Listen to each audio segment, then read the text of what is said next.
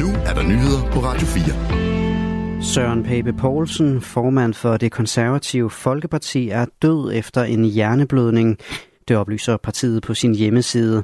Han blev under partiets hovedbestyrelsesmøde i Vejene i går ramt af en blødning i hjernen og kørt til Odense Universitetshospital, men hans liv stod ikke til at redde, skriver partiet. Han blev 52 år gammel. Og flere partilederkolleger har reageret på nyheden, blandt andet Moderaternes formand Lars Løkke Rasmussen, som har talt med TV2. Altså i dag er øh, ren sorg øh, og kæmpe chok. Øh, da Søren, den konservative partisekretær, ringede til mig først på eftermiddagen, der troede jeg virkelig, at han ringede om noget andet. Øh, jeg kunne simpelthen ikke forstå det. Øh, og så blev jeg bare ekstremt ked af det. Øh. Han husker tilbage på dengang Søren Pape indgik i Lars Lykkes regering som justitsminister. De forenede alt, altså øh, sådan konservativ øh, øh, ret og retfærd, men også Sørens egen øh, opvækst, et kristen menneske, skolelærer, et øje for øh, samfundets også udsatte. Øh, Søren havde et, øh, et varmt hjerte. Så sådan øh, den hårde, kontante hånd og det varme hjerte i en person, øh, det, var et, øh, det var et perfekt match. Øh, og han udfyldte den rolle med kæmpe dedikation og et stort engagement og stor dygtighed. Lyden er fra TV2. Og i Viborg, hvor Søren Pape Poulsen var borgmester, inden han gik ind i national politik, kommer dødsfaldet som et chok. Det fortæller Andreas Søndergaard, der er chefredaktør ved Viborg Stifts Folkeblad. Først og fremmest er det jo øh, et kæmpe stort chok, og, øh, og så er det jo samtidig også et kæmpe stort øh, tab, en kæmpe stor sorg. Søren Pape Poulsen var populær i byen, fortæller han. Pape var jo sådan en mand, alle i, øh, i Viborg kendte, øh, hvis ikke personligt, så i hvert fald selvfølgelig af navn og udseende.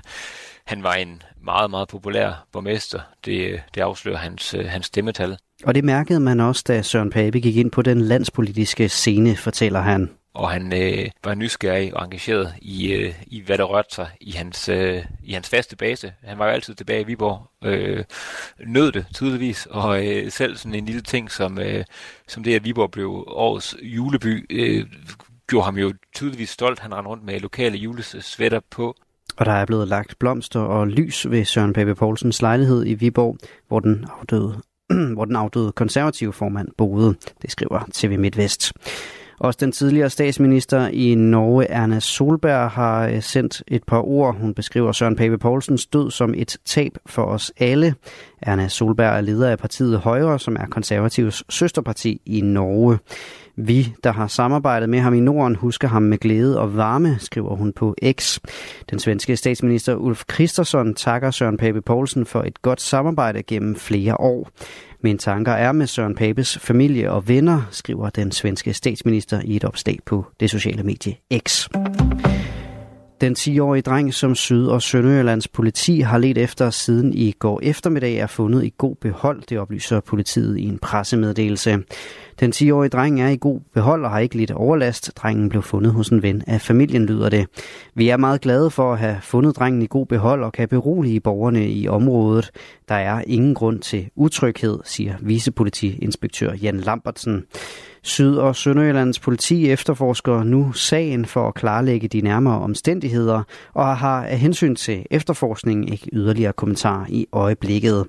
Den 10-årige dreng forsvandt til fods fra sin skole i byen Grimstrup i Esbjerg Kommune i går omkring kl. 13. Tre amerikanske militærfly har nedkastet de første leverancer af nødhjælp fra USA til Gazastriben. Det meddeler to unavngivende embedsmænd i USA til nyhedsbyrået Reuters. En af kilderne siger, at over 35.000 måltider mad blev sendt ned til palæstinenserne i Gazastriben. Der var ikke vand eller medicin med i den første forsendelse fra USA. Nedkastningerne kommer en dag efter, at præsident Joe Biden meddelte, at USA nu vil begynde at levere nødhjælp på den her måde. Både Frankrig og Storbritannien har tidligere sendt nødhjælp til Gazastriben på samme måde. Det skete i samarbejde med Jordans luftvåben. I torsdags meddelte Canada også, at landet har tilsvarende planer. USA vil også arbejde på at få åbnet en korridor, så der kan sejles forsyninger af mad, vand, medicin og andre nødvendigheder ind fra havet ud for Gazastriben. I aften og i nat tørt og i starten stedvis klart vejr, især i den sydvestlige del af landet. Ellers skyde med stedvis tåge, der kan blive tæt. Det var nyhederne her på Radio 4 med Asbjørn Møller.